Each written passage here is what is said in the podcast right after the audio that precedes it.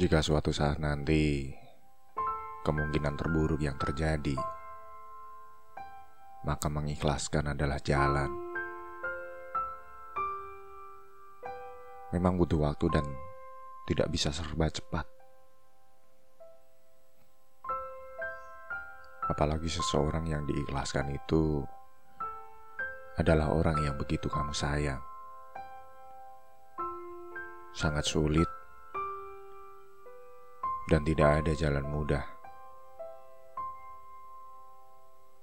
Hanya saja sesuatu yang dijalani karena keterpaksaan tidak akan pernah memberikan keindahan.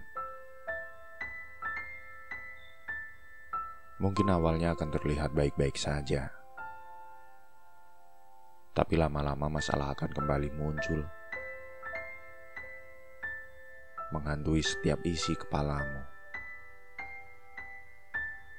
menyita waktumu untuk mengurus hal-hal yang pernah terjadi di masa lalu.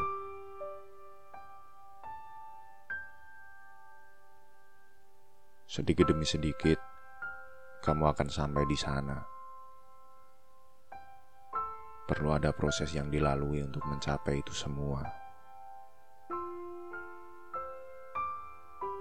Seandainya kamu harus menangis saat melalui semua itu, maka itu adalah hal yang sangat wajar. Air mata tidak memilih kapan dia jatuh dan di mana pipi tempatnya mengalir.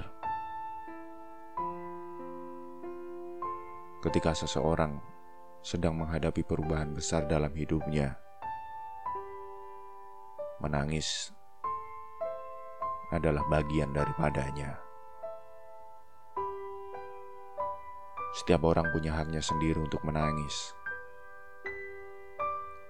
Sebab air mata sering kali adalah doa saat mulut tidak lagi mampu berbicara.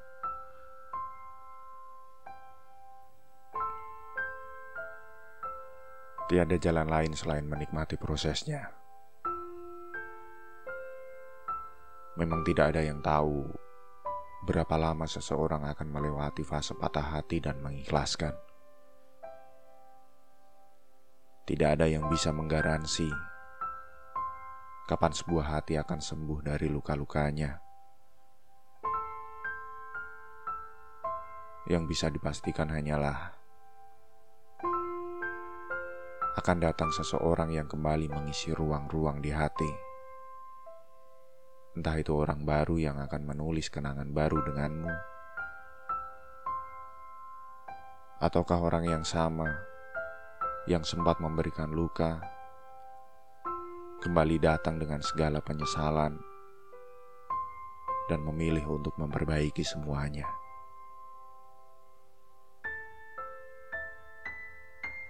Namanya saja masa depan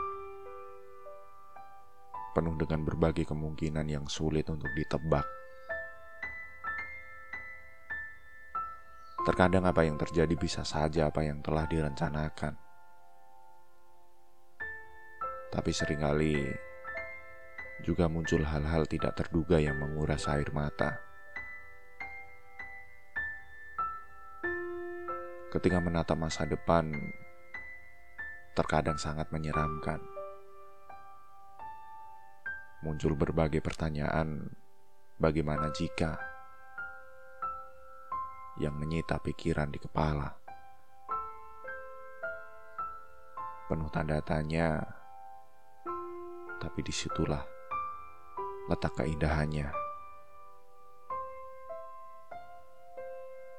Satu yang harus kamu jadikan pegangan adalah kamu harus mendahulukan kebahagiaanmu sebelum kamu membahagiakan orang lain.